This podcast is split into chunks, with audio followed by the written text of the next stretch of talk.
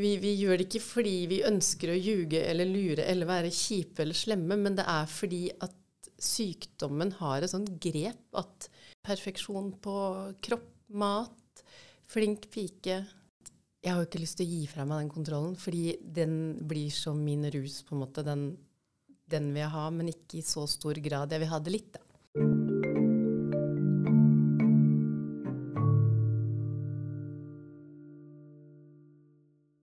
Velkommen til Også pasient, en podkast om usynlig sykdom, laget av meg, Kine Albrigtsen. Hvis du vil støtte jobben jeg gjør, så kan du bli min såkalte støttekontakt for ca. 35 kroner i måneden, eller du kan gi et valgfritt beløp én gang.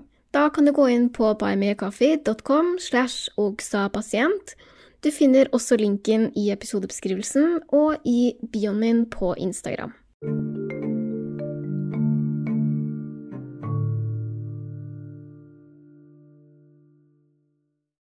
Da er vi klare for en ny episode av Også pasient. Og ukas gjest er Marianne. Velkommen.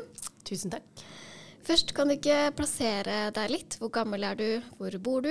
Litt små info. Jo, jeg heter da Marianne. Jeg er 45 år gammel. Bor på Bekkstua i Bærum. Jeg har samboer og har fire barn. Eldste er nå blitt 24. Yngste 12. Godt spredd. Um, tidligere utdanna som ballettdanser. Har jobbet som ballettpedagog i mange år. Um, gjør ikke det nå om dagen. Uh, er utdanna sykepleier og jordmor. Um, ja. Et, Korte trekk? Ja, det ja. er et resymé, det. Ja. Eh, og ukas eh, tema eh, har jo etter hvert noe med ballett å gjøre. Det er jo eh, anoreksi som er ukas eh, tema. Eh, men først, hva er anoreksi? Det er jo en spiseforstyrrelse. Eh, en ganske skummel spiseforstyrrelse hvor man eh, etter hvert begynner å kontrollere maten såpass mye at det får fatale konsekvenser i form av drastisk vektnedgang. Det er vel kanskje utseendet på det. Og så tenker jeg at det er jo en en diagnose eller en sykdom som handler om kanskje noe annet, noe som er mer vondt i, på innsiden. Så kanskje det egentlig er et sekundært problem. Sånn har det i hvert fall vært for meg. Da. Men eh, det viser seg i form av eh, veldig kontroll på mat. Eh, men det handler om eh, mye uro, noe vanskelig på innsiden, som kanskje kan være vanskeligere å få tak i. Um, for det er jo det vi ser. Vi ser jo i, i avisa, da, så er det jo de her eplene med målebånd rundt som er liksom det klassiske mm. bildet på anoreksi, og at man er veldig tynn. Det er jo det eh, veldig mange vet. Eh, og en av grunnene til at det er med i Også pasient, er jo fordi at det er en psykisk lidelse. Så det handler jo ikke bare om at man er tynn, det er jo som du sier veldig mange årsaker til det. Mm. Um, men når viste du liksom første tegn på å ha en spiseforstyrrelse? Jeg var nok eh, sånn i 14-15-årsalderen når jeg vet at jeg begynte å kontrollere maten. Jeg ble mer selektiv i forhold til hva jeg spiste, når jeg spiste. Kasta matpakker. Um, Kasta opp middag. Det var vel kanskje uh, de første symptomene uh, som eskalerte i større og større grad. Men ikke bare på mat, men også i form av trening og en del andre ting da, som gjorde at jeg fikk kontroll på vekta. Det er jo litt opp til deg, men, men hva kan du si om hvorfor det? Eh, jeg har jo tidligere eh, blitt intervjua selv, for jeg har også hatt en spiseforstyrrelse i mange år. Eh, og har sagt at du får jo ikke en spiseforstyrrelse hvis alt er bra. Mm. Kan du si noe om liksom, de årsakene til det? Jeg tror ikke jeg visste det da. Det er jo noe jeg har fått mer forståelse av i senere tid. For da i starten så handlet det nok mer om Uh, nå svarer jeg ikke på det du spurte om. nei. Uh, nei, men um, Ja, hvorfor? Uh, hvorfor jeg gjør det? Nei, mm. jo, det var det du spurte om. Ja, eller hva, var det et problem som du prøvde å løse med mat? Fordi hvordan kom man inn på de tankene man skal ikke ja, nei, spise? Ja, jeg tror for meg, Jeg har prøvd å tenke tilbake til den gangen, da, og uten at jeg klarer å få sånn helt eh, klart bilde av det. Men jeg tenker det handler om Det er et komplekst bilde. Det er sammensatt av kanskje veldig dårlig selvbilde, uh, en del indre uro. Um, uh, og et ønske om å gå ned i vekt. Rent utseendemessig. Ja, det tenker jeg. Da, det var i den fasen jeg begynte å danse veldig mye. Det opptok mye tid. Og det å stå på og se på seg selv i fem-seks timer hver dag i speilet, det, det vil jo på en måte påvirke. Og du blir veldig selvsentrert og opptatt av hvordan du ser ut. Så jeg har jo tenkt at det kanskje har en del av årsak til at det ble min strategi. Akkurat med spiseforstyrrelsen. Ja, fordi det er jo litt sånn um, Jeg føler at ballett er 99% terping sett utenfra. Ja, det At er det jo. man, man står og bare ser på seg selv, gjør det samme og samme, og samme igjen Ja. til det skal bli perfekt. Ja, på en måte. ja. Det er jo ikke så vanskelig å tenke at man overfører det til hvordan kroppen ser ut. da. Nei, For det er vel liksom press i dansemiljøet. Det er jo det. eh, og det er, handler om perfeksjon. Og det er kanskje lett å adoptere det til perfeksjon på kropp, mat, flink pike. Eh, Få det til å se perfekt ut, da. Og så er det eh, etter hvert som dette her eskalerer litt, og du får det til, og du skjønner at du faktisk er jævlig god på det, så blir det mm, en ganske raskt en besettelse, fordi det gir igjen en ro, indre ro. Eh, og der kommer den avhengigheten inn, tenker jeg, for min del, som gir en sånn trygghet, på en måte, eh, som kanskje har vært veldig vanskelig å gi slipp på spiseforstyrrelsen etter hvert, fordi den roen jeg føler når jeg får kontroll via å ha eh, stålkontroll på hva jeg putter i munnen, det gir um, en form for indre ro. Og jeg, jeg tror altså Så lenge jeg har kontroll på det, så kan liksom verden rase litt rundt meg. Da, da er det greit. Ja, fordi du føler deg on top of things med, med det aspektet i livet. da. Du klarer å, å være tynn eller gå ned i vekt eller spise lite, og da, da går det bra at du ikke har full kontroll på alt annet. Jeg tenker det. Eh, sånn har det i hvert fall fungert for meg. Og så i tillegg så eh, får man jo ofte sånn, kanskje i starten i hvert fall, før man blir for tynn, så får man jo ofte um, bemerkninger, komplimenter. Eh, at du er flink, du ser bra ut. At du er, har veldig disiplin, da. Mm. Eh, som kanskje man ja, føles, føles liksom som en litt sånn Ja, det føles bra i starten, til det plutselig ikke gjør det lenger. For på et tidspunkt så klarer du ikke å slutte. Ja, for det er jo en vanlig tanke som, som jeg tenkte mye også med selvskading, at jeg kan jo bare slutte når jeg vil. Ja. Det går helt fint. Det er ikke noe problem. Jeg klarer meg fint, jeg. Em, og så kunne jeg jo ikke det. Eller det var i hvert fall ikke så lett. da. Jeg slutta jo til slutt, men, men det var ikke så uh, lett. Og det er vel uh, um, Det er jo Ofte så snakker man i psykiatrien om når ting blir uh, sykelig, og når det blir et problem, da. Em, og det er jo ikke sånn at alle som går ned i vekt, er eh, syke, men jeg tror det er noe med den besettelsen, som du sier, eh, og når man ikke kan slutte eh, frivillig. Fordi det høres ut som at du har lagt ganske mye verdi i det å ha kontroll på mat og kropp, eh, kontra ja, f.eks. selvfølelse, da, som du sa nå. Eh, når merka du at du ikke kunne velge selv når du skulle slutte med det? Eh, ja, det er et godt spørsmål. Eh, jeg ble flink på det, og så eh, går det til et punkt hvor du tenker at ok, nå går det for mye ned, eller em, ting er ikke, det er ikke så fett lenger, liksom. Det, Ja, For det skjer jo en del fysiske ting når man går mye ned i vekt, som ikke er helt optimalt. Ja, det gjør jo det. Um, og når du da prøver å snu det, og ikke får det til, så tenker jeg at alvoret setter inn eh, på en annen, en annen skala enn det du, du har tenkt tidligere, at du har stålkontroll på dette her, og så har du ikke det likevel. Så jeg begynte i behandling på et tidspunkt, og da skjønner jeg hvor vanskelig det er å få det til. For ikke engang da var det liksom jeg forstår mekanismene rundt det, men likevel så tror jeg det er en sånn um, dobbelthet i en eh, spiseforstyrrelse som Den gir jo noe, samtidig som Samtidig som den frarøver deg vanvittig mye, da, så er det vel det at jeg har jo ikke lyst til å gi fra meg den kontrollen, fordi den blir som min rus, på en måte. Den, den vil jeg ha, men ikke i så stor grad. Jeg vil ha det litt, da. Og det er vel i motsetning til noen andre ting. Jeg vet jo at noen som har vært deprimerte kjempelenge, kan jo tenke at det føles utrygt å ikke være deprimert, fordi at det er ukjent. Mm. Men depresjon i seg selv, min opplevelse i hvert fall, er jo at det ikke gir noe. Det gir ikke noe på samme måte som en spiseforstyrrelse gir ja. eh, oppturer, da.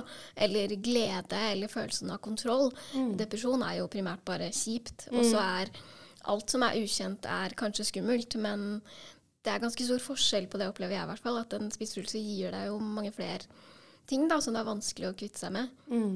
Når du da ikke klarer å snu det i, i behandling, så er det jo mange som, som ikke vet så mye om spiseforstyrrelser, som nok tenker sånn Ja, men er det ikke bare å spise mat? Kan mm. du ikke bare ta deg sammen? Mm. Alle må gjøre det hver dag. Alle mm. må spise. Hvorfor kan du ikke bare gjøre det? Uh, um ja, det, det, trodde kanskje jeg også på et tidspunkt, men eh, i ganske voksen alder Hvis jeg skal bare gi et bilde på det, da, så i ganske voksen alder så har jeg et bilde av meg selv hvor jeg sitter og hylgråter så snørr og tårer renner. Og jeg har et angstanfall ut av en annen dimensjon fordi jeg skal spise tre stekte pølser og potetmos med ketsjup. Og vi sitter i et lukka rom, og terapeuten må sitte sammen med meg og sørge for at ikke jeg sitter i sånn 90 graders vinkel. Og vi spiser oss gjennom én pølse. Og jeg vet det er ikke farlig, jeg kommer ikke til å dø av dette her. Men det kjennes sånn ut. Det er um, Jeg tenker du kan sammenligne det med din, din verste fobi, da. Hvis man noen eller hopper ut fra et stup eller gå inn i et rom med masse edderkopper hvis det er det som er det verste du vet om. Jeg vet ikke, jeg kommer ikke på noen kjempegode eksempler på det, men kan, altså, hva som kan fremkalle angst. Um, så det er, det er, ikke noe logikk i det. Du får panikk. Total panikk. Uh, jeg har hatt perioder hvor um, bare tanken på at vi skulle gå inn og spise, uh, gjør at jeg står og strigråter på Aker Brygge. Jeg klarer ikke stoppe det. Jeg har ikke spist. Men tankene setter i gang et angstanfall. Um, så det er eh, vanvittige krefter og ja, det, det, er nok vanskelig. Det er nok sikkert nesten umulig å forstå det, men det tenker jeg handler om ulike typer angstformer også, for det er jo en form for angst. Du vil ikke spise. Det er det det ender opp med. Um, som en eller annen urasjonell type angst som uh, du får idet du går inn i en butikk f.eks., og du blir livredd for å møte noen. Og svetten pipler, og du må bare løpe ut derfra.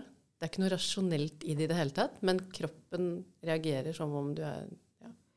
Og det er jo eh, flere som, som, omtaler spiseforstyrrelser, alle typene, som angstlidelser. Mm. Eh, som som jo går på nettopp det, da, at det blir en irrasjonell frykt som, som setter seg såpass. Og da er jo all, all behandling for angst er jo eh, eksponering, eh, og mm. vi må jo spise. Eh, og det er jo vanskelig å forklare det. Jeg hører jo at mange syns at en spiseforstyrrelse er vanskelig å forstå. Eh, jeg tror jo at det i stor grad handler om den kontrollen, at man opplever mestring. Du opplever at du får noe ut av det. Mm. Eh, det gir deg noe, men det er også ganske upraktisk. For det er upraktisk å kylgråte av å måtte spise. Mm. Det er upraktisk å ikke kunne um, ja, gå ut med venner, lage mat med familien, eh, holde deg gående. Da. Det er upraktisk å være eh, veldig undervektig. Det er mange ting som gjør at det egentlig ikke er så holdbart da, i lengden, mm. og at man kanskje burde gjøre noe med det.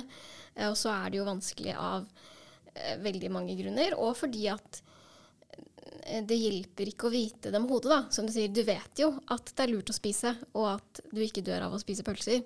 Mm. Eh, men det føles sånn ut. Det er akkurat det det gjør. Um, og den følelsen er jo veldig ekte, da. Og det er jo kanskje noe å ta med seg til de som lytter også, at eh, det oppleves jo helt reelt.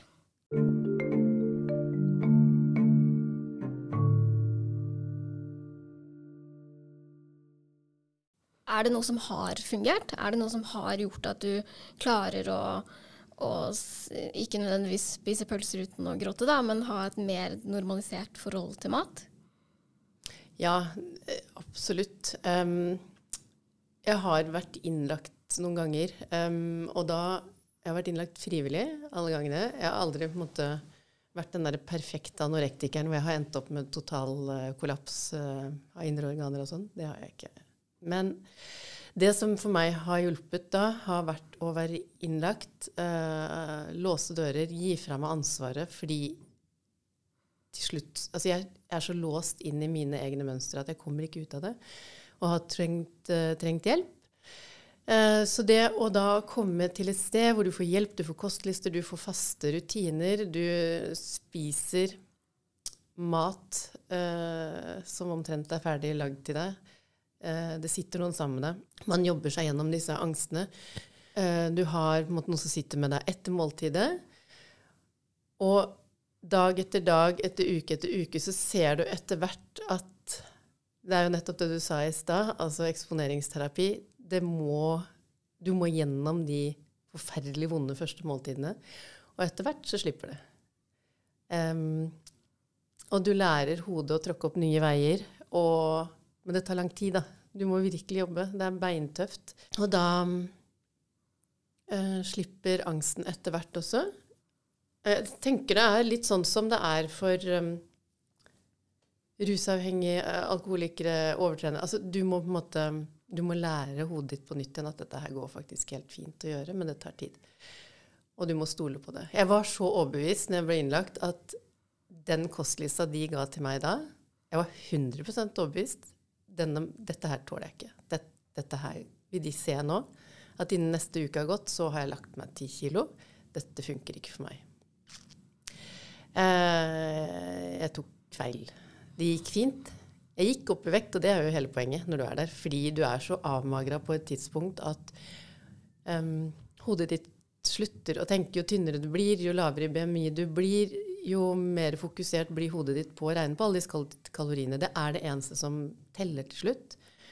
Så man må opp i vekt for å få et mer normalt tankemønster og klare å tenke rasjonelt på hvorfor vil du dette, eller vil du ikke? Altså, det er jo derfor pasienter tidvis tvangsinnlegges, fordi de klarer ikke å tenke rasjonelt, rasjonelt lenger. Og det handler vel eh, også en del om ren overlevelse eh, for hvordan hjernen funker. Fordi mm. når du blir eh, såpass undervektig, så er jo også formålet å overleve. Og for å overleve så må man ha mat. Og det forsterker veldig det, det tankemønsteret som går på hva skal jeg spise, hvor mye skal jeg spise, når skal jeg spise det. Uh, mm. Og at det egentlig bare forsterker hele, hele greia, da. Mm. Um, er det liksom forskjell Er det forskjell på når du er liksom der at du bare klarer å tenke på det, versus når du klarer å tenke på noe annet? Liksom? Kan du si noe om de forskjellene? I hvert fall min opplevelse da, er jo at eh, da jeg var eh, dårlig, så tenkte jeg bare på det. Jeg klarte ikke tenke på noe annet. At man blir litt sånn eh, egoistisk eh, på en måte. da, At du ja, ja. bare klarer å tenke på det. Mm. Mens eh, når jeg også var i behandling, så, så, ble det på en måte plass til noen andre ting mm. ved siden av. på en måte. Mm. Kjenner du deg igjen i det? Ja, ja, absolutt. Det er jo helt skummelt å se i etterkant at man er villig til å sette mm, alt på spill, da. Barna sine for å få lov til å fortsette. Altså, det er så mye tvang over det at du klarer ikke uh, se hva du egentlig holder på med, hvor galt det egentlig har blitt. Du klarer heller ikke komme ut av det. Jeg, jeg må snakke for meg selv, egentlig. Jeg klarte ikke det da, da. Men ved å få hjelp og slippe å ta det ansvaret selv, uh, være i behandling, etter hvert begynne å på en måte kunne se litt, altså løfte blikket litt, da uh, og se hva som faktisk har foregått, uh, så kan du begynne å implementere andre ting igjen. Som kanskje å gå turer og nyte Ikke det for å gå raskest, for å svi av mest kalorier, men å se naturen rundt det. Eller du kan begynne å kikke på en bok som har vært helt umulig å ha fokus på tidligere. For den, tankene går helt inn til ja, hva du spiste, når du spiste, hvorfor du spiste. Er du mett, er du ikke mett? Så ja, helt klart. Og det å etter hvert i, i behandlingsløpet um, ha mer kapasitet. Kanskje for min del da, etter hvert å ha mer rom til barna igjen. Var kanskje det aller, aller viktigste for meg. Og også en sorg i å se at man bortprioriterer um, ja, sitt aller kjæreste og næreste for å få lov til å holde på med galskapen sin. Hvordan har det sett ut på en måte, når du har bortprioritert de? Jeg tenker at jeg ville alltid um, uh, Jeg husker jeg var innlagt på Modum, og så fikk vi se en video av en mor som sto og lagde mat til barna sine. Uh, hvor mor aldri satt ned. Barna satt der, barna spiste, far spiste, og hun bare løp fram og tilbake og tenkte at det der er jo meg.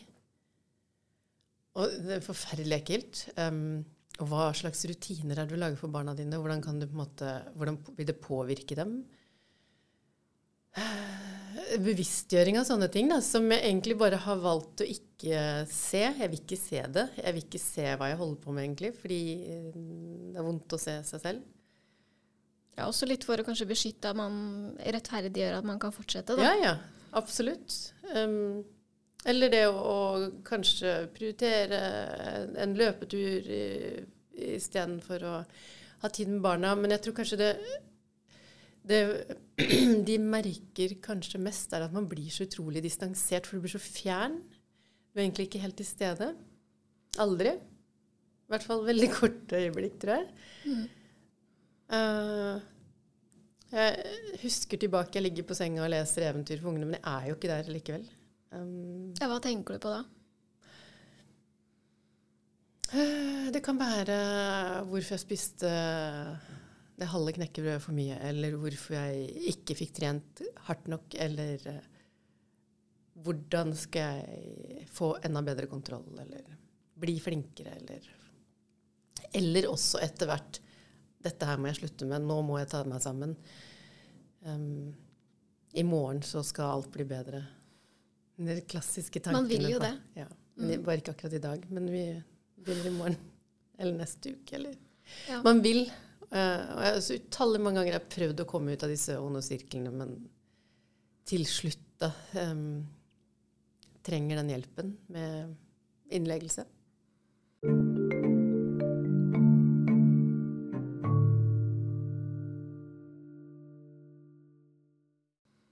Altså, anoreksi er jo en av de eh, dødeligste psykiske lidelsene eh, som fins. Eh, og det er jo en alvorlig sykdom, og det preger jo ofte, og for ditt liv også, da, store deler av livet, egentlig. Um, kan du si noe om hvor du er i dag, på en måte? Ja. Jeg tenker jeg føler meg uh, mye friskere enn uh, når jeg var på en måte, inn i disse her veldig uh, syke, veldig rigide periodene. Um, men det er nok en svakhet, hvis jeg kan kalle det det, en, som alltid vil være med meg. Um, og jeg merker at vi, når ting er vanskelig så tenderer jeg veldig fort til å gå tilbake til å kontrollere det fordi det er noe jeg vet funker. Men jeg har nok et helt annet forhold til det nå, altså i form av jeg, um, jeg føler ikke Det har ikke det grepet om meg lenger at jeg har så sinnssykt lyst Altså det der med den avmagringen, liksom. Eh, det, det, vil jeg ikke. Altså jeg har ikke lyst til å gå ned dit. Jeg vet hvor stygt og mørkt det er der nede.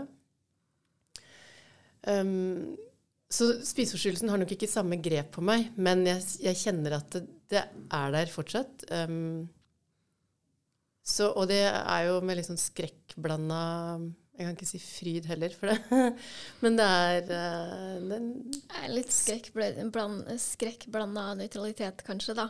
Ja. At det er litt skummelt at det er sånn, men man vet jo hvordan det er der nede. Ja, jeg kjenner på en måte sykdommen så godt nå, temmelig inn og ut, alle, hvordan den fungerer. Så jeg vet jo å stoppe når det blir for gærent. Um, ja. Det som har hjulpet meg veldig mye, eh, i, særlig i behandling, men egentlig også ellers, da, er å lukke alle dørene. Jeg tror egentlig det er du som har snakka litt om det. At eh, man må lukke alle de, eh, de bakdørene. Man må bare fjerne alle mulighetene, sånn at det ikke er noen muligheter der. Um, og da har jeg ofte vært veldig åpen i behandling og sagt sånn Men nå tenker jeg på det, eller jeg har lyst til det, eller Men da kan jeg gjøre sånn. Hvis noen presenterer et forslag, ja, men hva med dette? Og så sier jeg ja, men da kan jeg lure meg unna på denne måten. Fordi hjernen min kan jo tenke de spora likevel, men at jeg har sagt det, da. Jeg har sagt hva jeg har tenkt, jeg har sagt hvordan jeg har tenkt på å snike meg unna. Og så lager man en eller annen plan for å unngå det, da. Um, og at det kanskje har vært noe av det som har hjulpet mest, fordi at jeg har ikke latt muligheten være helt åpen for meg selv. Jeg har vært litt ærlig på at um, jeg tenker på den måten, eller uh, nå har jeg lyst til det, og hvordan kan vi få det til å ikke skje, på en måte. Mm. Mm. Og at um, Jeg kjenner meg igjen i det du sier med at man har ikke Det er ikke et like hardt grep om deg lenger. Eh, og så har vi jo Jeg har også snakka mye om det i podkasten før, det her med E18 i hjernen. Eh, at man har jo kjørt opp de spora eh, i hjernen så mange ganger at din eh, det, liksom, Ditt default-valg er jo å å ha kontroll på maten. At det er jo det du har gjort aller mest. Du har ikke gjort mest eh, å prøve å få det til å funke på en annen måte. Så når du da blir sliten eller stressa, og ting blir lagt på deg, så er det jo ikke så rart at du ikke har den kapasiteten på toppen som du trenger til å holde det i sjakk. da.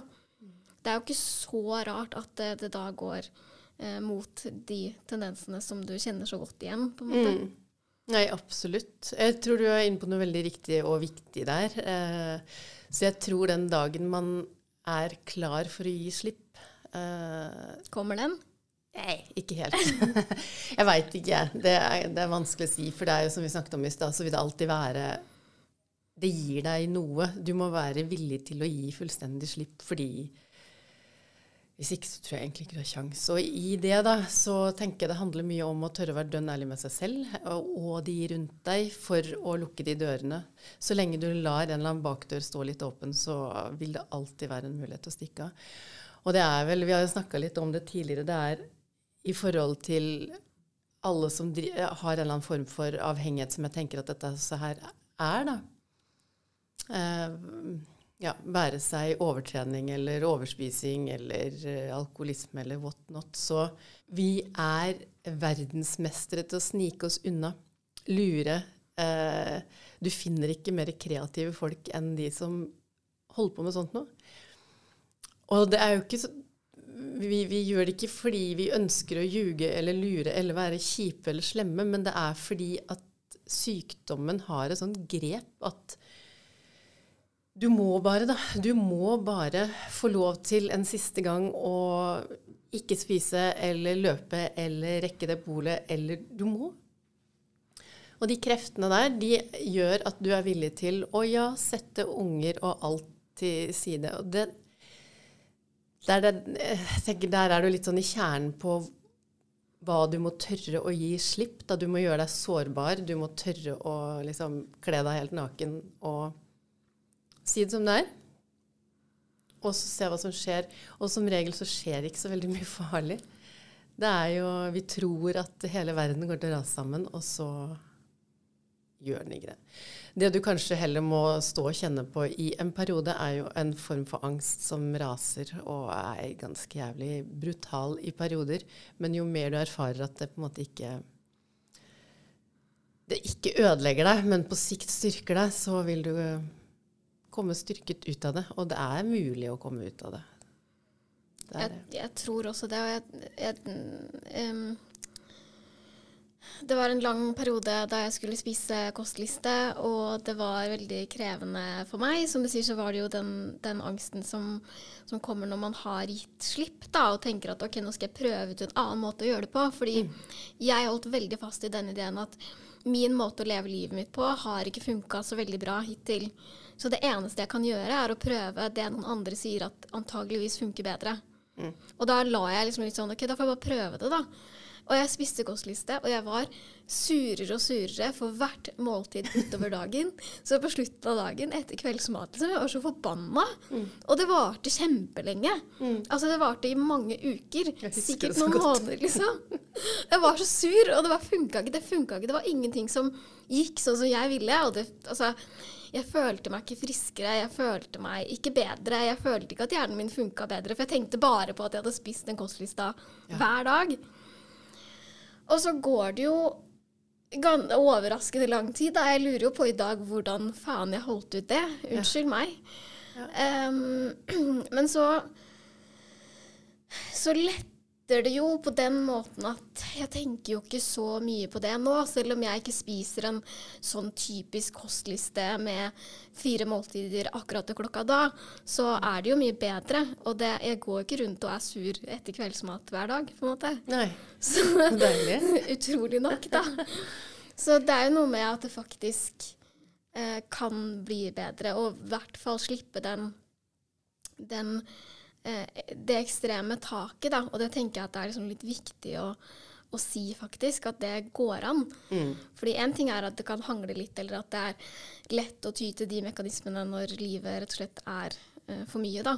Um, og, men det liksom mest intense kan i hvert fall eh, gi seg. Men at det krever en jobb, det er jo beintøft. Det var ikke så veldig hyggelig å være dritsur i mange måneder heller. Følte meg ikke som et veldig hyggelig menneske. Nei, det er ikke noe ålreit, det. Men som du sa, da. Jeg sa litt om det i, i datingepisoden. Så fortalte jeg om at jeg jugde ganske mye til eh, kjæresten min uh, før jeg ble innlagt på det tidspunktet. Da, Ja. da var jeg veldig mye ute på morgenen før han sto opp. Ja. Eh, Og la meg ned igjen og tenkte sånn Jeg har sovet her. Eh, og det, Og trente? ja, ja. Jeg gikk og trente da før han våkna. Ja. For å ha gjort det unna. Jeg jugde mye, og jeg sneik meg unna mye. Jeg hadde veldig mange, mange rare påfunn som jeg i ettertid tenker sånn Hvorfor skjønte du ikke det? Men jeg tror at man blir såpass god på å lure seg unna eh, ting. Som når jeg ser tilbake på det, så er det veldig rart. For at jeg er veldig opptatt av å være veldig ærlig. Ja. Og det er liksom sånn jeg opererer i livet, er jo ved å bare si ting som det er. Og jeg er veldig opptatt av å snakke om ting som det er, og det syns jeg også sier noe om at det er en, en, en sykdom som tar veldig sånn kontroll over deg. Da. Du kan på en måte bli litt sånn annerledes. Fordi jeg tror ikke at alle de med anoreksi eller en spiseforstyrrelse er folk som ljuger og lurer seg unna ting. Nei, nei, nei jeg tenker det er en del av sykdommen. Ja. Så du, du må. Mm. Du klarer ikke ikke få lov til å bare trene den økta, fordi hva skjer da? Da Mm. ender du opp med å bli pottesur. For det. Ja, eller du får veldig mye angst, da, eller det Ja. blir veldig vanskelig, og så er det lettere der og da å prøve å unngå det. Mm. Men det, det kan altså eh, gå over. Mm.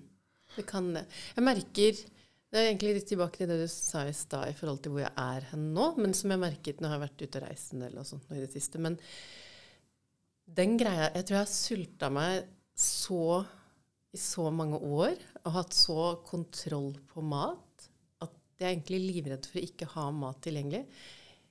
Jeg, reiser alltid rundt med gulost og knekkebrød. Det er, det, jeg må, for jeg må vite at jeg alltid har mat tilgjengelig. Veldig sånn rar greie, men Det er jo, ja, samtidig så er det jo litt sånn Da har du i hvert fall det, da. Og det funker. Det kan du spise. hvis Det er skulle- noe der. Og kroppen din har jo vært sulten i veldig mange år. Ja, ja. Det er akkurat som den er liksom på sånn hamstringsmodus. Ja. Det er ikke så, så uvanlig, det, altså. Eh, når du, eller, da du sa ja til å lage denne episoden, er, var det liksom du tenkte at var eh, veldig viktig å snakke om, som vi ikke har snakka om ennå? Mm, jeg tenkte meg om en stund fordi jeg vet at det er, det er et veldig vanskelig tema. Jeg tenker, jeg, jeg, det sa jeg vel til deg, jeg er veldig redd for å si noe som kan være triggende for folk som kanskje er liksom i startgropa, eller er veldig sjuke, eller Så det var vel egentlig det. Jeg vet ikke om det var noe annet du tenkte på. Nei, jeg tenker jo at det, det er jo alltid en utfordring når vi lager episoder om, om sånne temaer som, som er Vi vet at folk blir trigga, og at det brukes mye. Og vi kjenner jo til at det er jo veldig sånn eh, pro-ana-miljøer på internett som, som hyller eh, anoreksi. Um, og at noen kan jo kanskje ta det med seg som triggende, men at man da finner det nesten hvor som helst. Um, og at eh, Jeg kan bare snakke for meg selv, men jeg skulle jo veldig gjerne vært foruten. Ja, og det skulle virkelig jeg også. Um, så hvis man liksom skal prøve å slukke den Hvis det er noen som føler på at dette var veldig triggende, så kan vi jo snakke litt om hva som på en måte er konsekvensene av å holde på med dette her år etter år. Det er de, de, de typiske kroppslige tendensene, da. Eller som Altså, du skader jo kroppen din, rett og slett. Eh, I verste konsekvens så får du jo organsvikt og dør av det. Um, men uh, mer kanskje sånn synlige ting, så um, om ikke så synlig. Benskjørhet er en del av det. Du får dårlige tenner, eh, dårlige negler, dårlig hud, dårlig hår. Um, det tar forferdelig mye av fokuset ditt på andre ting. Mentalkapasiteten din er uh, marginal. Uh, så jeg tenker all den tiden jeg har brukt på de forbanna kaloriene og den treningen, om jeg hadde brukt det på andre ting, da. Mm. Samtidig så har det jo vært en drive i det, men eh, jeg skulle ekstremt gjerne vært foruten eh, Det skulle jeg, altså. Ja, hvordan er det å tenke tilbake på det nå som det har gått så mange år? For du har vært syk i 30 år. Ja, uh, og gode og dårlige perioder. Så jeg tenker at jeg har hatt perioder hvor jeg har følt meg mye friskere, hvor ikke det har den derre veldig grepet om meg. Og det er jo mye, mye bedre perioder, fordi jeg er mye friere. Mens når du går ned i det sorte hullet med eh, all tvangen, så er det Det er bare vondt. Bare vondt. Uh, den eneste liksom, rusen du etter hvert får ut av det, det er jo å se at uh, vekta tikker nedover. For det er jo en sånn eufori som driver deg videre. Men, men hvor meningsløst er det ikke? Så um, Uh, tenke tilbake Nei, altså jeg er av den oppfatningen at det, jeg har levd det livet jeg har gjort. Uh, det som har skjedd, det har skjedd. Jeg, jeg, har nok relativt lett, hvis jeg kan si det, for å på en måte tenke OK. Ja, Du angrer ikke så mye? Nei, jeg, det, det, ser jeg ikke noe poeng i, for det kommer ingenting godt ut av det. Hvis jeg skal sitte og bære masse nag til at jeg ikke har fått bedre hjelp, eller at jeg har klart å ta meg sammen eller whatnot tidligere, så hva ender det opp i? Det blir en sånn, sånn uh, størkna bitterhet som sitter igjen der, som ikke har noe godt med seg. Jeg får heller prøve å gjøre noe med det som er framover, tenker jeg. Mm. Men så er det andre konsekvenser som jeg tror, da, uten at jeg liksom Jeg vet ikke om noen lege vil sette signaturen sin på det, men jeg har jo nylig blitt diagnostisert med revmatisme og fibromyalgi. Um, masse leddsmerter smerter og muskelsmerter. Og om det kan på en måte linkes opp til år etter år med indre stress og uro, eh, hvor du spyr ut hormoner som ikke er så bra, som blir litt sånn toksisk for kroppen. Da. Eh, om det er direkte årsak, det vet jeg ikke. Om jeg hadde fått det uansett, det vet jeg heller ikke. Men for meg så, så kan det kanskje se ut som det er en link der. Mm. Mm den er kjip, kjipere å tenke på, fordi det kom litt som lyn fra klar himmel. Eh, og har fått parkert meg skikkelig. Fordi jeg har jo alltid trent ekstremt mye også. Og plutselig å ikke få muligheten til å på en måte få utløp for all den der indre uroen som jeg til stadig vekk har, da. Eh, som jeg tenker har kanskje vært årsak til at jeg har fått en spiseforstyrrelse sånn, litt sånn sekundært. Men um, du begynte jo med å stille spørsmål om det, hvorfor um, du trodde jeg hadde utviklet det.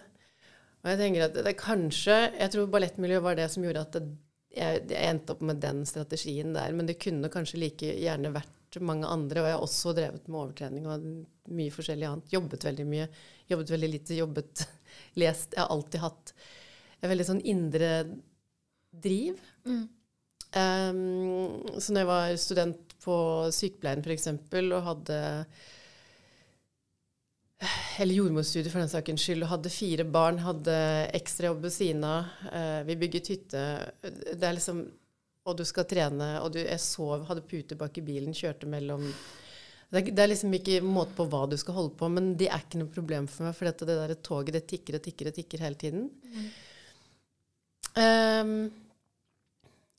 og da er vi inne på Jeg hører jeg forklarer meg litt sånn rotete nå, men um, noe jeg syns er veldig spennende, da, og i en alder av 45 år også blitt diagnostisert med ADHD, uh, som jeg tenker at jeg har veldig lyst til å snakke om en annen gang, fordi jeg tenker Jeg tror det kanskje har vært mitt pro primærproblem eller diagnose.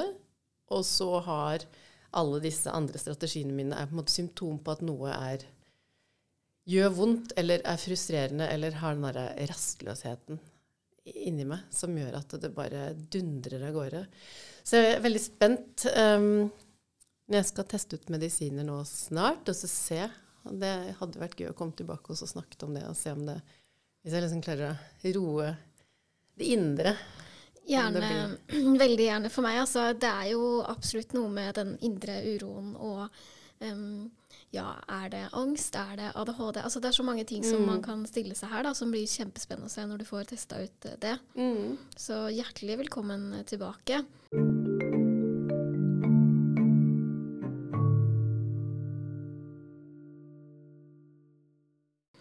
Eh, helt avslutningsvis så har vi noen lytterspørsmål. Mm. Um, og da er det noen som lurer på om det hjelper å snakke om det som er vanskelig. Ja, ja det, det, tenker jeg. Eh, samtale er alltid, alltid bra. På alle mulige måter. Og det mm. trenger ikke nødvendigvis være en terapeut eller en psykolog. Det kan være en god venn, det kan være partner, kjæreste, Um, og så er det noen som lurer på hvordan man kan stille opp eh, best som utenforstående venn. Mm. Jeg tror for min del uh, så tror jeg det handler om å være til stede, være støttende og ikke dømmende. Bare vær en venn. Uh, fordi jeg tror så fort du går for mye inn i sykdommen og skal hjelpe til for mye, så kan fort personen trekke seg bort. Uh, ikke det kan jo føles litt sånn politiaktig ut. Ja, det, det er sånn, Nå er vi sammen for at du skal sitte og se på om jeg ja. spiser maten min eller ikke. Og det er ikke så hyggelig, da. Det blir litt invaderende, og da kan det på en måte bli en distanse der som gjør at den personen som er syk, lukker seg mer. Så jeg tenker at man ikke trenger å gå inn i det som en sånn terapeut eller prøve å hjelpe til, men du kan stille spørsmål hvordan kan jeg hjelpe deg, eller rett og slett bare være den gode venninna eller vennen. Og ikke fordøm Eh, anerkjenn problemet, men vær der som gjør det dere pleier å gjøre. Mm. tenker jeg. Det har i hvert fall hjulpet godt for meg å ha venner. Og da kan du, det er lettere å snakke om det når du vet at ikke de dømmer deg og tenker at å gud, hva er det du holder på med nå igjen, da? Har du ikke mm. skjønt at du bare må spise denne maten her, liksom? Mm.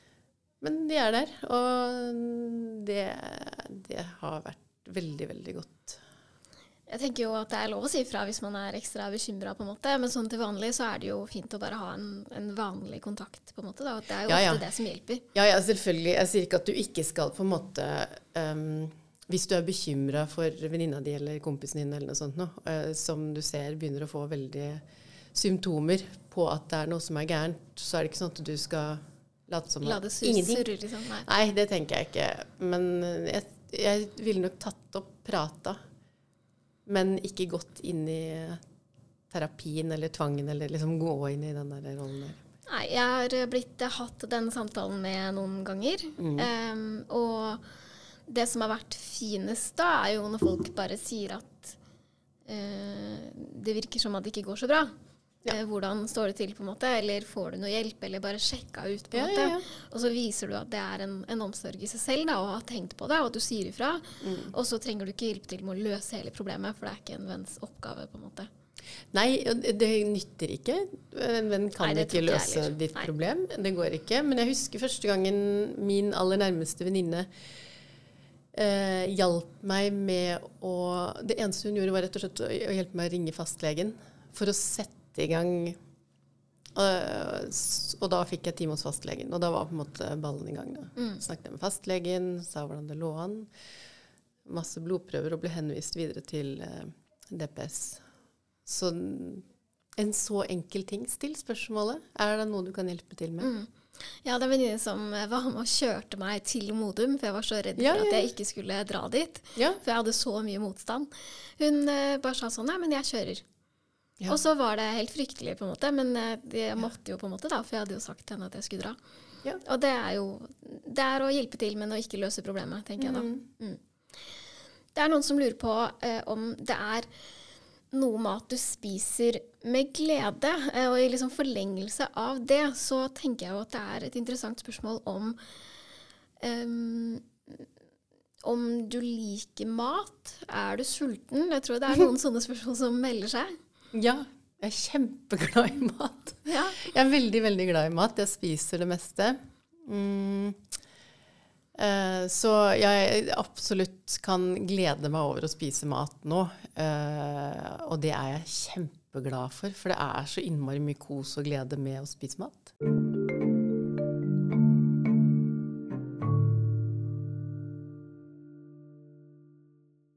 Og det var eh, noen av lytterspørsmålene som har eh, kommet inn. Og jeg syns jo det har vært veldig fint å ha deg med som eh, gjest. Jeg håper jo at det har vært informativt, og så gleder jeg meg jo veldig til du kommer tilbake.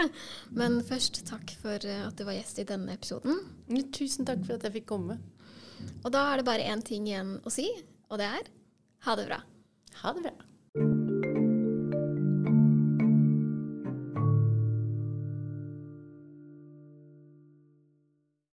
Det var også ukas episode, og tusen takk for at du ville høre på. Hvis du har lyst til å støtte jobben jeg gjør, så gjør du det veldig enkelt ved å like Instagram-postene mine, fortell det til en venn. Eh, det beste for meg er at folk sprer ordet, fordi da kan vi nå måla våre, som er å spre kunnskap, minske fordommer og skamme oss mindre. Det er rett og slett de tre tinga som er viktige for meg å bruke også pasientprosjektet til, da. Så hvis du har lyst til å støtte jobben jeg gjør, sånn at jeg kan fortsette å holde på med det, så kan du kjøpe meg en kaffe. Link til det finner du i episodebeskrivelsen. Så jeg vil egentlig bare si tusen takk, og så høres vi igjen om to uker.